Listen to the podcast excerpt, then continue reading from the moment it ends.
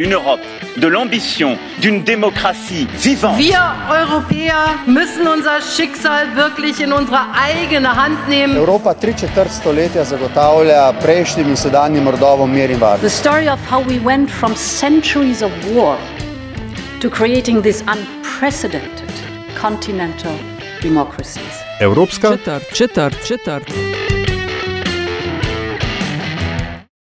You will not go back to Brussels and ask for another delay. I'd rather be dead in a ditch.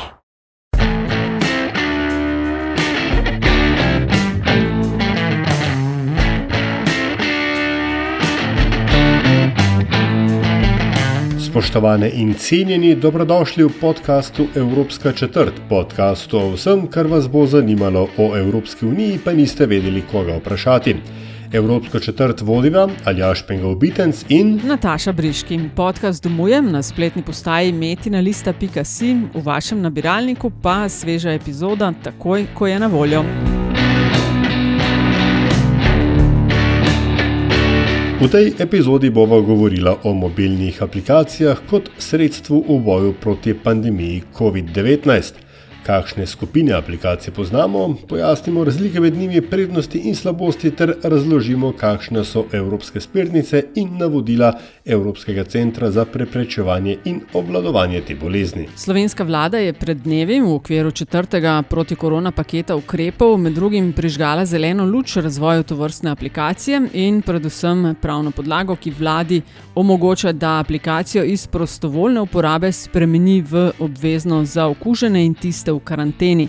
Da izveva več o vsem skupaj, sva poklicala Zarjo Moršič. Zarja je doktorica evolucijske antropologije, sicer biologinja in kognitivna znanstvenica, ki se ukvarja z znanstvenim komuniciranjem.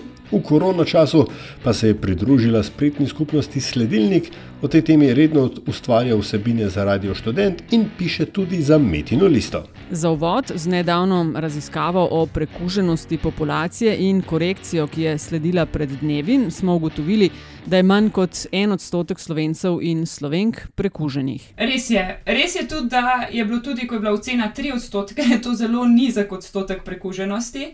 In nekateri sedaj tudi govorijo, da se je vseeno ali je 3 ali je 5 odstotkov ali je manj kot en odstotek, vsekakor je to nizka prekuženost. Nekako so raziskovalci in raziskovalke, pa ne samo v Sloveniji, tudi v tujini, kdo je spremljal koronavirus, so vse čas imeli mogoče občutek, mogoče pa tistih, uh, kot govorimo, tistih brez simptomov, ki brez problemov prebolijo to okužbo, res veliko več, mogoče jih je celo 80 odstotkov in je ta bolezen veliko bolj razširjena in s tem tudi veliko manj nevarna. In zato so bile v bistvu te raziskave tako pomembne. Podobno so naredili v Španiji in še v marsikateri drugi evropski državi. In povsod se je izkazalo, recimo v Španiji je ravno nedavno bil objavljen članek, je tudi prekuženost uh, prebivalstva, mislim, da okoli 5 odstotkov. V Sloveniji je bila tisti prvi podatek 3 odstotke, ampak v prvem podatku niso upoštevali nekih lasnosti testa. V bistvu o tem sva pisala z dr. Andrejem Srakarjem iz ekonomske fakultete na, v zapisu na metini listi. In sicer lastnosti, lastnosti teh testov sta občutljivost in pa specifičnost, ki določata, kako dobro zaznajo resno pravi primer, torej ka, kakšno število lažno negativnih imajo. In pa kakšno število lažno pozitivnih imajo, torej kako dobro zaznajo za res tiste, ki so negativni. Ker teh lastnosti niso upoštevali, v bistvu noben model, na noben test na trgu, pa še vedno nima 100% občutljivosti in 100% specifičnosti, je bilo že takrat v bistvu vsaj meni jasno, oziroma se mi je zdelo, da je ta ocena prekuženosti previsoka. Um, tudi glede na to, kakšne, kakšne številke smo imeli iz dneva v dan v mesecu marcu in aprilu, se mi je zdelo nekako neverjetno, da bi spregledali tako veliko primerov. Uh, predvsem v primerjavi z drugimi evropskimi državami, kjer so v bistvu že tudi takrat imeli rezultate podobnih raziskav. Zaenkrat je, ko govorimo o COVID-19, torej še vedno več vprašanj kot odgovorov. Države iščejo odgovor, kako sploh ugotoviti, kje in kdo so morebitni okuženi, kako najučinkovitejše zaeziti širjenje in obvarovati zdravje ljudi. In mobilne aplikacije naj bi bile pri tem v veliko pomoč. Najprej, o kakšnih aplikacijah se pravzaprav govori? Ja, to je zelo dobro vprašanje, še posebej glede na to, da po medijih vsi govorijo, uporabljajo besedo aplikacija, noben pa dejansko ne pove, o kateri aplikaciji govorijo. Nekako to zdaj ne bo izčrpen seznam vseh aplikacij, ampak jaz jih bom združila v štiri večje primere, ki jih recimo najdemo na svetu. Zagotovo lahko kdo najde še kakšen peti, šesti, sedmi, mogoče tudi deseti primer. Ampak nekako uh, govorimo o aplikacijah. Ena vrsta aplikacije je taka, ki bi uporabljala um, naše loka lokacijske podatke in sicer s pomočjo GPS-a. In tako aplikacijo so recimo razvili in uporabljali na Norveškem in pa tudi na Islandiji. Mislim, da je še v uporabi, čeprav na Norveškem so pa ustavili njeno uporabo, ker je enostavno prevelika. Uh, prevelik korak v pravice zasebnosti uporabnic in uporabnikov. Se pravi, gre za to, da imaš prižgano GPS sledenje in potem telefon te podatke zbira in opozarja druge, ki so morda bili v stiku s tabo, da bi lahko bili uh, okuženi potem, ko si ti seveda potrjeno okužen. Drugi dve aplikaciji pa v bistvu obe temeljita na Bluetooth tehnologiji in sicer govorimo o tem, da bi telefon pošiljal Bluetooth signale v vse čas, ko si v nekem prostoru, drugim telefonom, te bi jih shranjevali in hkrati tudi pošiljali svoje signale tvojemu telefonu in ta bi jih shranjeval. Te aplikacije se delijo na dve vrsti in sicer centralizirane in decentralizirane. Tukaj zdaj govorimo o tem, kje so v bistvu shranjeni podatki. V centralizirani aplikaciji tvoj telefon vse čas pošilja podatke na nek centralni strežnik, ki ga ima, ki ga v bistvu nadzoruje oziroma ga ponudi v večini držav, kjer to uporabljajo, neka recimo Ministrstvo za zdravstvo oziroma Nacionalni inštitut za javno zdravje. Medtem ko pri decentralizirani aplikaciji so vsi ti podatki, podatki drugih telefonov in pa tvoji podatki shranjeni na tvojem telefonu. Razlika je pa še v tem, kje potem teče ta algoritem, ki določa, kdaj si bil ti, oziroma kdaj si bila ti v tesnem stiku z nekom. Pri centralizirani se to dogaja na centralnem strežniku, torej centra, v centralnem strežniku se iščejo ta ujemanja med različnimi uporabniki, med različnimi telefoni v teh um, kratkih kodah, ki si jih izmenjujejo telefoni, in se išče, ali bili, ali je kdaj ujemanje daljše od 15 minut, in pa da bliže kot na meter in pol. Ta meter in pol je sicer za Bluetooth dost problematičen in se ga ne da čisto določiti, ampak to ni največji problem, bom mogoče kasneje razložila, zakaj ne. Uh, v primeru decentralizirane pa to ujemanje v bistvu poteka vse na tvojem telefonu. Torej, ta algoritem, ki išče mo mogoče ujemanje, da je prišlo do tega tesnega stika, se odvija na tvojem telefonu znotraj tvoje aplikacije. In uh, tretja, četrta vrsta aplikacij, o katerih pa v bistvu v Evropi nismo res veliko slišali, se pa sedaj pojavlja v Južni Koreji in pa razvili so jo tudi na Novi Zelandiji in se meni iz epidemiološkega vidika zdi kar zanimiva.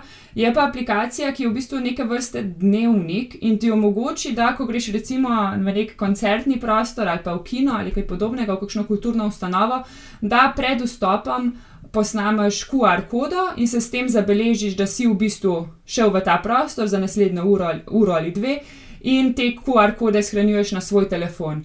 In v primeru, da si okužen, se lahko odločiš, recimo, da bi to delil na Novi Zelandiji, se lahko odločiš, da bi to delil z drugimi uporabniki oziroma z epidemiologi, ker potem s tem njim res pomagaš pri tem epidemiološkem poizvedovanju oziroma pri, pri iskanju kontaktov. Lahko to veliko pohitriš, kot pa sicer, če se moraš samo zanašati na svoj spomin. Po drugi strani pa drugi uporabniki lahko tudi preverijo, če se njihove QR kode v kakšnem primeru ujemajo in so tako hitreje obveščeni o tem, da je prišlo do stika. Mhm. Okay, to so te štiri paketi in razlike med njimi. Uh, kakšne pa so, ker je Evropska četrt namenjena debatam o temah povezanih z Evropsko unijo, kakšne so pa EU smernice glede tega, kakšne so navodila vem, Evropskega centra za preprečevanje in obvladovanje bolezni. Sem zasledila, da si se pogovarjala z Jozepom Janso, vodjo skupine za odziv in nujne ukrepe. Kaj ti je povedal? Ja, v bistvu takrat, ko smo govorili, mi še nismo govorili o aplikaciji. Um, mogoče ena stvar, ki bi jo podarila iz tega pogovora, ki se je meni zdela zanimiva, je to, kako v bistvu vse države v Evropi, pa predvsem tudi recimo ZDA, um, saj tisti, kar smo mi bolj soočeni, oziroma nam je večkrat predstavljeno v medijih, um, smo nekako plavamo med temi ukrepi zajezitve in pa blaženja. Um, Sej, kot pri nas se zdaj govori veliko o tem plesu, ne, ampak na nek način, zanim, kot zanimivost tukaj dodam, je, da večina evropskih držav je najprej sicer mislila, da bomo samo blažili to širjenje virusa, torej da bo virus res vse čas na neki ravni, tej, tej, kar bo še omogočilo zdravstvenemu sistemu, da prenese to število ki jih more, ki jih more sprejeti v bolnišnico, število ljudi. Ampak potem se je v bistvu s tem res strogimi karantenami po Evropi zgodilo, da je v bistvu prišlo do, do zajezitve. O tem, recimo, smo več govorili takrat. Sicer pa je Evropski center za preprečevanje in obvladovanje bolezni podal tudi svoje smernice o aplikaciji. Na eno stvar, na katero opozorijo, je to, da ne gre za aplikacijo za sledenje stikom, ampak gre za aplikacijo, ki jo tako imenujejo tudi Google in Apple Exposure Notification, kar pomeni, da gre v bistvu za obvestilo o tem, da si bila izpostavljena nekomu, ki, je, ki se je kasneje izkazal za uh, COVID pozitivnega. Um, poleg mhm. tega. Poudarjajo tudi interoperabilnost med različnimi državami, se pravi, da bi v Evropi lahko jaz recimo uporabljala slovensko aplikacijo in ko grem v Nemčijo, bi tudi moja aplikacija lahko delovala s, telefon, s telefoni drugih, ki recimo uporabljajo nemško aplikacijo in bi se tudi te kode uspešno izmenjevale in kasneje tudi bile povezane med sabo. Če sem jaz recimo kasneje diagnosticirana z, novim, z okužbo z novim koronavirusom, bi obvestilo dobili tudi ljudje, ki imajo recimo nemško aplikacijo, če sem takrat že bila kužna, ko sem bila v Nemčiji. To je recimo ena stvar, ki jo, zelo, ki, ki jo ta poročilo oziroma te napotki um, izpostavljajo. Pa zanimivo je tudi, to sem pa tudi govorila z našim epidemiologom Marjem Fafanglom, ki, ki je vodja Centra za nalezljive bolezni na Nacionalnem inštitutu za javno zdravje. In sicer, da vzpostavitev klicnega centra za te ljudi, ki uporabljajo aplikacijo. In to ni klicni center, ki jim pač omogoča, uh, pomaga pri tem, da se aplikacija naloži pri sami uporabi aplikacije, ampak predvsem nekaj za tiste, ki recimo dobijo pozitiven rezultat, pa, pa želijo malo več informacij, oziroma za tiste, ki dobijo to obvestilo o tem, da so bili izpostavljeni, da lahko pokličejo, se naročijo vem, za testiranje, se imajo daljši pogovor z epidemiologom, na kaj biti pozoren, jih mogoče tudi obvestijo, lahko, da so pa ravno včeraj bili v domu za starejše občane ali pa imeli ogromno stikov um, nekje. In lahko na vse to opozori epidemiolog. Ta klicni center se mi je zdel kar zanimiva stvar, na katero um, opozorijo te napotke CDC-ja. Tukaj je še vedno potem že spet problem, kako to inkorporirati v to aplikacijo, ki naj bi bila zagotovo prostovoljna. Ne? Ker Evropska unija oziroma Evropska komisija zelo ponavlja, da mora biti ta aplikacija prostovoljna mora imeti dovoljšno raven zasebnosti, oziroma morajo biti podatki enkriptirani. O nekaterih aplikacijah se je iz nekaterih držav več govorilo kot o drugih. Kakšne so pravzaprav razlike? Jaz še najpogosteje slišim ravno to, ki si jo tudi ti že večkrat omenila, eh, aplikacija v Nemčiji. Nemčija se je odločila v bistvu za uporabo tega umestnika, ki sta ga razvila Apple in Google, ki v bistvu že tudi te dve podjetji sta rekli, da v bistvu mora biti aplikacija um, prostovoljna za vse uporabnike in uporabnice. In pa v bistvu na podlagi tega umestnika so potem, mislim, da nek konglomerat tehnoloških podjetij v Nemčiji in v bistvu teh inštitutov je razvil to njihovo Corona Warn app. Um, in je odprto kodna, dostopna za vse. Um, je pa res, da sloni na tem uh, umestniku Google in Apple. Gre za decentralizirano aplikacijo, ki v bistvu obvešča o teh, um, zbira te mehke kode, ki jih, tvoj, ki jih naši telefoni generirajo, izhranjuje na drugih telefonih, oziroma od drugih telefonov na vaših telefonih, in potem v bistvu ima zadnji tega algoritma, čistočno ne poznam, ga nisem šla gledati, nek algoritem, ki določi verjetno, da recimo trajanje stika 15 minut ali več uh, in pa v bistvu na neki razdalji meter in pol. Tehno, te ljudje, ki se ukvarjajo s tehnologijo, opozarjajo, da Bluetooth ne more omejiti te razdalje na meter in pol, ampak uh, je to tja do enega 5 do 10 metrov, recimo. Problem je lahko tudi to, da seveda aplikacija ne ve, ali ti v tistem stiku mogoče nosiš masko, mogoče je vmes um, neko steklo ali karkoli podobnega, ker gre signal še vse en česne. Tako da to, to so te težave z nekimi uh, lažno pozitivnimi. Slovenija je pač sprejela v tem četrtem proti-korona paketu neke pravne podlage za nekaj, kar, uh, kot si sama omenila, ni v skladu s smernicami EU. Torej, te so, da aplikacija naj bi bila ali pa mora biti absolutno prostovoljna. Zdaj, a so v Nemčiji uh, ob tem ob uvajanju te aplikacije sprejeli tudi kakšen zakon, kaj veš o tem? Ne, v Nemčiji nimajo zakona, ravno zato, ker je aplikacija prostovoljna. To ni nujno dobro, ker ta prostovoljnost je tudi mal tak dvorezen meč lahko. Ker se lahko zgodi, da bi recimo tvoj delodajalec ali pa kakšne trgovine zahtevale za vstop, ali pa recimo kakšne kulturne ustanove zahtevale za vstop to, da ti imaš aplikacijo, da se na nek način s tem zavarujejo. Bi, bi bilo dobro tudi zavarovati v bistvu prostovoljnost aplikacije z zakonom, ampak ne, v Nemčiji ne rabijo zakona ravno zato, ker je aplikacija prostovoljna. Uh, poleg tega jo je pa odobrila in tudi promovirala in jo tudi podpira ta njihov Robert Koch inštitut, je v bistvu neka, neka podobna inštitucija kot Nacionalni inštitut za javno zdravje, ki pa tudi pri nas v bistvu podpira uvedbo aplikacije, ampak tukaj bi povdarila, da pri nas dejansko zakon imamo, v resnici pa ne vemo čisto točno, o kakšni aplikaciji govorimo. V razprave o razvoju aplikacije v Sloveniji, kot je slišati, ni bil vključen urad informacijskega pooblaščenca ali varuh človekovih pravic. V Nemčiji njihovo aplikacijo naj bi sicer kopirali in jo prilagodili slovenskim razmeram, pa je bilo drugače. Tudi v Nemčiji so bili vsi ti vključeni, tudi nevladne organizacije in pa zainteresirana javnost.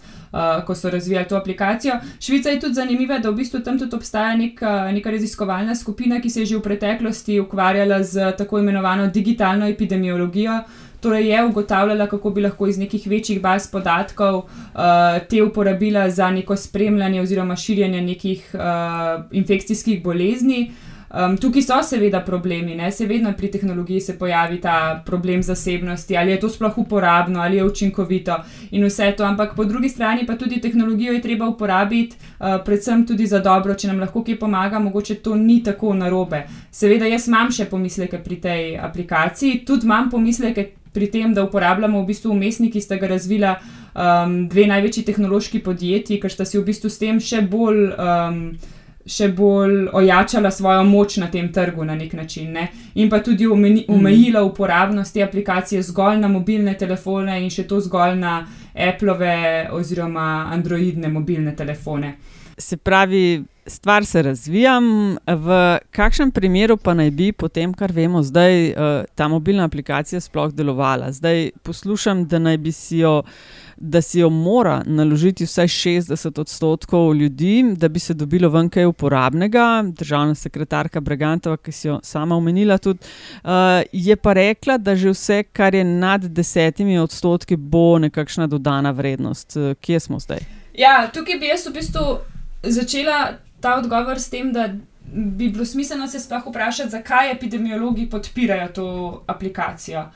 In sicer, ko epidemiolog ali epidemiologinja dela to epidemiološko poizvedovanje, do tega pride, ko neka oseba dobi pozitiven test. V tistem trenutku jih ga pač kon, jo, kontaktirajo in grejo prek, eh, skozi nek epidemiološki vprašalnik, kjer jih zanima, s kom je bila v stiku zadnjih nekaj dni, oziroma kdaj, raz, kdaj je ta oseba razvila simptome. In recimo od dneva, ko je razvila simptome, še ne dva dni predtem jih zanima, s kom so bili v kontaktu, če lahko napišejo nek daljši seznam, da se potem vse te stike nekako vrednoti na podlagi tega, ali je šlo za tesen stik ali ne, in se jih potem nekako poskuša kontaktirati in obvestiti o tej o tej izpostavljenosti, oziroma v primerih, kjer je šlo res za nek tesen stik, kjer je, kjer je vrednost prenosa okužbe veliko više, se, jih, se jim odredi karanteno. In um, pri tem virusu, torej SARS-CoV-2, vemo, da so nekateri kužni, ne vemo še kakšen odstotek je teh ljudi, kužni že pred pojavom znakom, kot sem rekla, recimo ene dva dni, preden se pojavijo znaki. Uh mhm. -huh. In kar pomeni, recimo, tudi redko kdo se gre res testirati, oziroma mogoče tudi testa ne dobi še na tisti dan, ko se pojavijo znaki pri njih. Recimo. Pa deva reči, da je ta. Ta preskok enih pet dni, recimo dva dni si kužen pred znaki, potem, recimo, kaj bi rekli, da v sredo se pojavijo znaki, pa ti se greš testirati, recimo, v petek in v petek zvečer dobiš pozitiven rezultat. V tem času, recimo, kužen, kužna je ta oseba bila potem že v ponedeljek.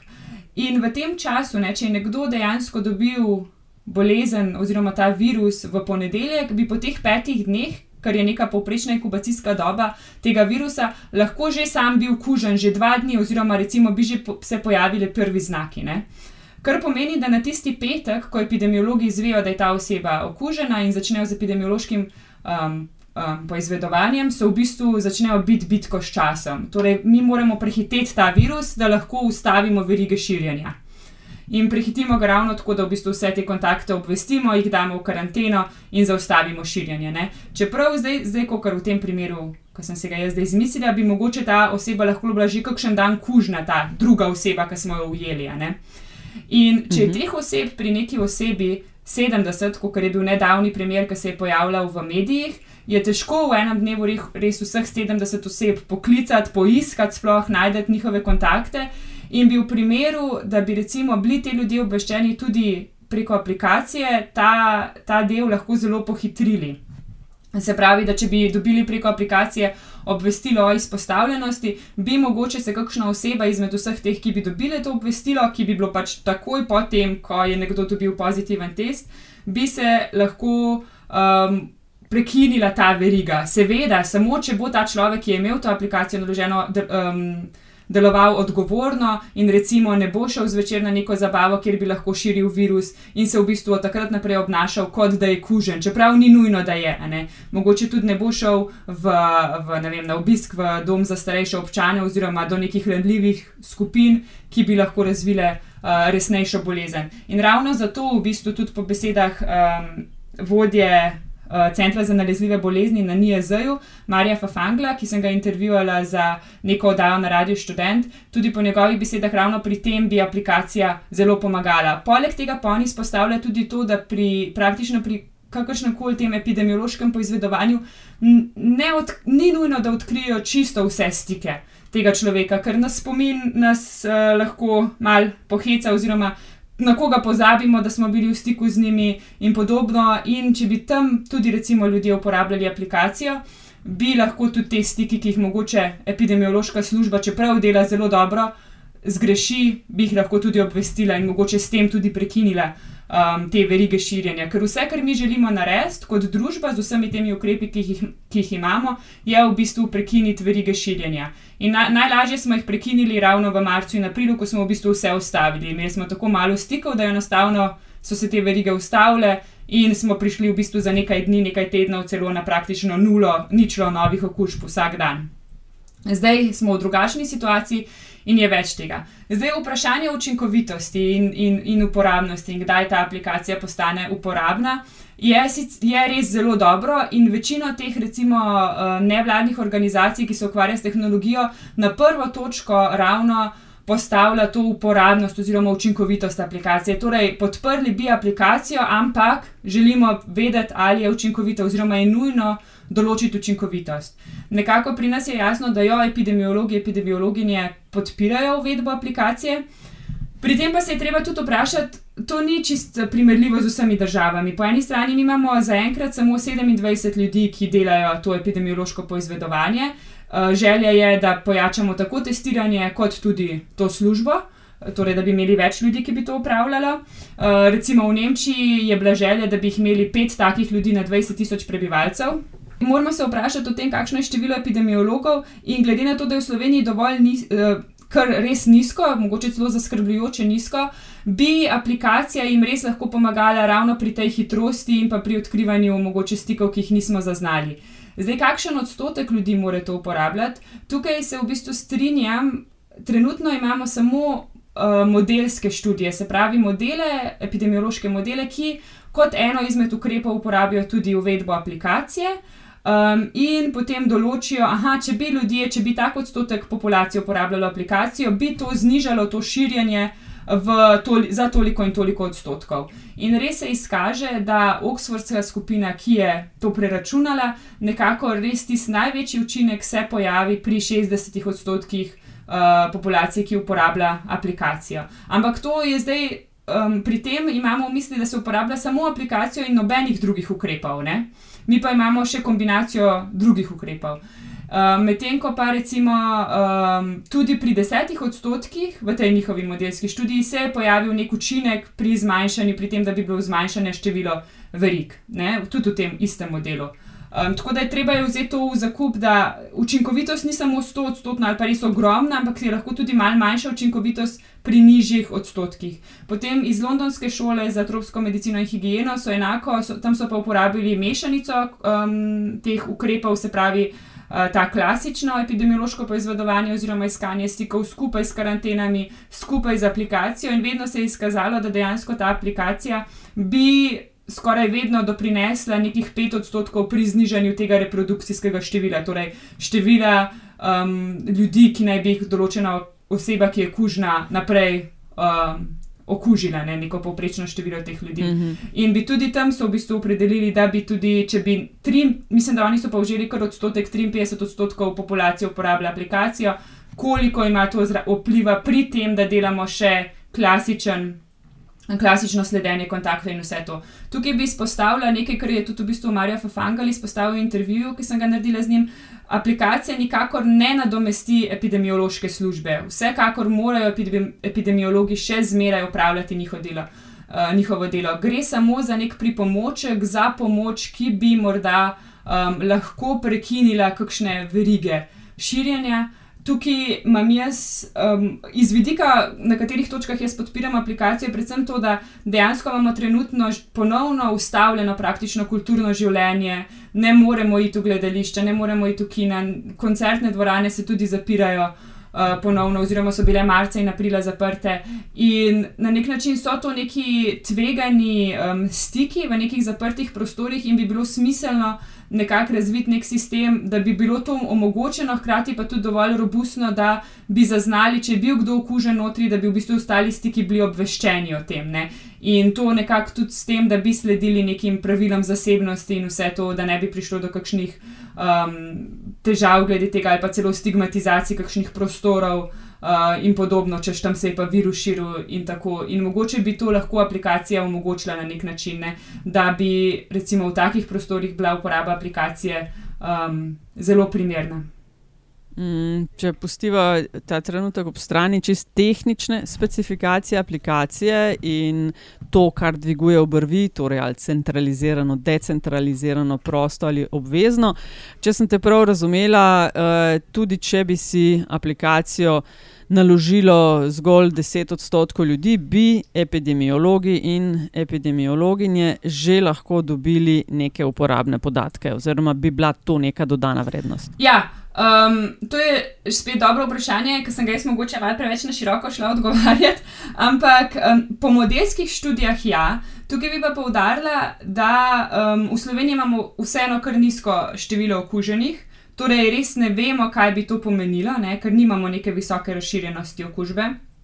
In pa um, o tej učinkovitosti, ko govorimo, zelo dobro bi bilo, da ko uvedemo aplikacijo, kar je očitno samo še vprašanje časa, da bi dejansko teh, iz teh modelskih študij izhajale tudi neke prave empirične raziskave, kjer bi preverjale učinkovitost, torej kjer bi nekako probali dobiti tudi nekaj uporabnikov, uporabnic te aplikacije in videli, da če so morda dobili obvestilo od koliko jih sploh dobijo obvestilo o izpostavljenosti, in ko dobijo obvestilo, ali začnejo mogoče, mogoče malo bolj samozaščitno delovati, mogoče ravno zato, da ne grejo kakšne, kakšne obiske v domove za starejše občane, da mogoče prosijo, če je to možno, da bi delali od doma in podobne stvari. Ena stvar, mm -hmm. ki, mhm. ki mene malo skrbi tudi pri aplikaciji, je dejansko ta nedostopnost za vse. Ne? V bistvu dostopna, če gremo res na nemški model zdaj, bo samo za tiste, ki uporabljajo Appleove uh, telefone oziroma Android od Google. In pa vsi nimamo takih telefonov, vsi tudi ne morejo imeti takih telefonov, nekaterih ne želijo uporabljati, nekaterih pač iz kakršnih koli razlogov ne morejo imeti um, nekaterih niti ne znajo uporabljati, in s tem v bistvu že, um, že pustimo kar en velik delež ja. populacije. Yeah. In meni se v bistvu ta, se bojim, da bi lahko to vodilo v še neči, neke večje razlike v, v družbi na nek način, ne, na kar je tu treba opozoriti. V bistvu bi bilo smiselno razmišljati o tem, da potem, ko mogoče splavimo to prvo aplikacijo, kaj pa lahko kot nadomestek ponudimo drugim, ne, tistim, ki te aplikacije ne morejo uporabljati pa bi ta nadomestek deloval enako kot, za, kot aplikacija za ljudi, ki pač uporabljajo aplikacijo na telefonih. Mm -hmm. um, o eni stvari razmišljam, ko te poslušam. Ne, uh, ok, slovenska aplikacija, pa nemška, pa švicarska, pa norveška uh, in tako dalje, pa francozi nekaj razvijajo, pa britanci nekaj. Uh, če se omejiva na EU, um, se mi je zazdelo, zakaj pa recimo ne bi mogla Evropska unija nekaj skupne aplikacije razviti, ki bi jo potem si vsaka država, kaj pa vem, glede na lastnosti te posamezne države, prilagodila. Se pravi, da bi eh, tako rekoč ogrodje bilo enako za vse, z prilagoditvami na lokalno okolje. Ali je to malo utopična ideja? To, to je, se meni zdi zelo dobra ideja. In, ampak jaz, po mojem, nisem pravi naslov za odgovoriti uh, to. No? Predvsem zaradi tega, ker um, ne vem, jaz se tudi sprašujem, v bistvu že zadnjih nekaj mesecev, zakaj nimamo enotnega odgovora na, na to epidemijo, pandemijo znotraj Evropske unije. Zakaj recimo si ne postavimo nekih ciljev, kam želimo priti. Um, jaz tukaj pri ciljih um, sem kar malo utopična in zelo zagovarjam v bistvu eliminacijo virusa po, po vzoru Nove Zelandije in seveda potem zelo strogo kontrolo na mejah, ki um, ne vem, ali je izvedljiva, ampak se mi zdi, da znotraj Evropske unije, če bi si države potem razdelile te uh, hotele oziroma možne nastanitve za um, karanteno ljudi iz držav, kjer pač je virus še prisoten, bi bilo to izvedljivo. In je v bistvu to skoraj isto vprašanje, zakaj nimamo uh, skupnega odziva na pandemijo, um, pa kot pa zakaj nimamo skupne aplikacije, ker pomembna bi bila interoperabilnost. Seveda za Evropo še posebej, zato ker se Evropa na nek način uh, temelji na tem, da imamo odprte meje. Ne? V bistvu to je nekaj, kar. Uh, njih, na, prebivalci Evrope, prebivalke, saj jaz tudi no, osebno to zelo cenim in mi je ena izmed takih stvari, ki mi je zelo pomembna, da lahko prosto prehajam meje. Ne? Uh. No, ko ravno omenja, omenjaš to prosto prehajanje meje. Uh, če, kako pa te aplikacije pol delujejo, recimo, vem, če sem Nemka, Švica, kako karkoli, pa pridem potem v Slovenijo in obratno. A to še vedno zazna, dela ali ne dela? Um, torej, interoperabilnosti zaenkrat ni nikjer v, v Evropi. Problem je tudi, da recimo verjetno francoska aplikacija ne bo interoperabilna s švicarsko, italijansko, nemško, predvsem zato, ker francozi so se odločili za centraliziran sistem. Um, slovenska itek ni razvita, tako da ti težko karkoli rečem. Uh, je pa res, da kogar to zanimajo te aplikacije, si lahko na telefone naložite tako švicarsko, avstrijsko, dansko in pa nemško. No? Mogoče še kakšno, ampak te štiri sem si jaz naložila, ker me je zanimalo, kako delujejo. Um, tako da lahko te aplikacije se tukaj uporablja, ampak so v bistvu neuporabne, ker, uh, ker, ni, ker jih pri nas ne uporabljajo ne, ljudje. Um, bi bilo pa fino, da bi postale interoperabilne in da na koncu uporablja samo eno aplikacijo, ne glede na to, kje v Evropi si. Kdaj bomo prišli do tega, če sploh kdaj, Uh, pa ne vem. Za katero od prihodnih epizod Evropske četrti? Uh, skratka, veliko vprašanj še povezanih z aplikacijo, tudi uskladitve znotraj Evropske unije. Um, če rečem aplikacija kot svet igral v boju proti pandemiji, proti COVID-19, uh, kaj odgovori uh, Zarja Moršič. Ja, ne, mislim, to, kar smo mi dobili na Twitterju, ne, ali gremo v depresijo, ali pa bomo imeli aplikacijo. Uh, aplikacija še enkrat je samo pripomoček. Kot na nek način, kot so maske pripomoček, kot to, da ohranjamo fizično razdaljo, je pripomoček. Um, ni aplikacija, ne bo nadomestila epidemiologov, najprej je treba vložiti v NIAZ, v, v več testiranja, v več tudi v, v krepitev epidemiološke službe, ker smo nekako na, v tem pandemiji, smo očitno na dolgi rok, um, smo, tečemo nek maraton do razvoja cepiva, oziroma še to vprašanje, kako, kako ga bomo distribuirali in si razdelili in se prepirali o tem, kdo bi se cepil in kdo ne. Um, in zato, zato v bistvu aplikacija tega ne bo rešila, lahko je mogoče uporaben pripomoček, pri, pri čemer je treba razmišljati, da je osnovana na prostovoljnosti. Uh, in vse to. Uh, tukaj bi mogoče samo en argument, ki smo ga velikokrat slišali tudi na tej seji v četrtek, kjer se je na koncu potrdil uh, um, ta zakon. Večkrat se sliši, ampak sej v Franciji ali ne vem čisto točno kje, so pa dobili samo 14 obvestil o tem, da so bili izpostavljeni nekomu, ki je okužen. Ne? Še enkrat, o teh 14 nič ne vemo. Ali se je njihovo vedenje teh 14 oseb spremenilo, zato ker so dobili obvestilo? Kaj, če je bil eden izmed njih nek, neka taka oseba, ki bi se v naslednjih nekaj urah ali dneh znašla v nekih kontekstih super širjenja, torej v zaprtem, slabo preznačenem uh, prostoru, ali pa bi recimo lahko virus prinesla v dom za starejše občane, ker vemo, da se v bistvu potem širi kot požar praktično.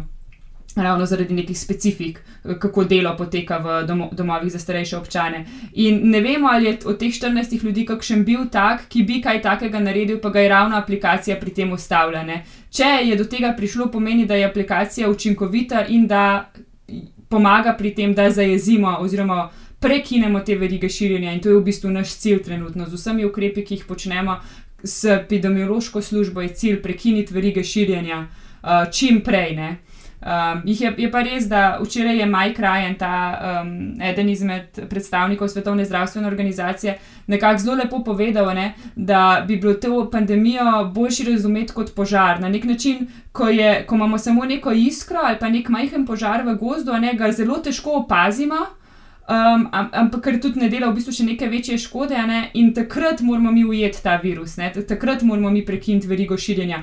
Ker potem, ko je naenkrat iz te mehke iskre oziroma mehkega požara rata nek gozni velik požar, je že prepozno, ne? je že zelo težko v bistvu uh, loviti to um, in ujeti vse primere in zajeziti te verige širjenja. Ne? In meni je ta analogija s požarom pri, pri pandemiji skoraj da bolj blizu kot pa te različni valovi, o katerih govorimo. Doktorica Zarja Muršič, najlepša hvala za sodelovanje v podkastu Evropska četrt. Ja, hvala za povabilo. To je bila Evropska četrt, 52. v podkastu Vesoljem. Hvala za vašo pozornost, predlogi, mnenja, zelo dobrodošli. Hvala tudi za pohvale in kritike, ki jih delite z nama. In res hvala za investicije, ki jih namenjate razvoju in produkciji naših vsebin. Avtor glasbene podlage je Pili iz Afna Hishn Band. Če vam je bila vsebina všeč, bo pomagalo, da nas najde še kdo, če naj jo ocenite pri vašem izbranem podkastu ponudniku. Sicer pa hvala za vašo družbo in se slišimo spet k malu. Thank you.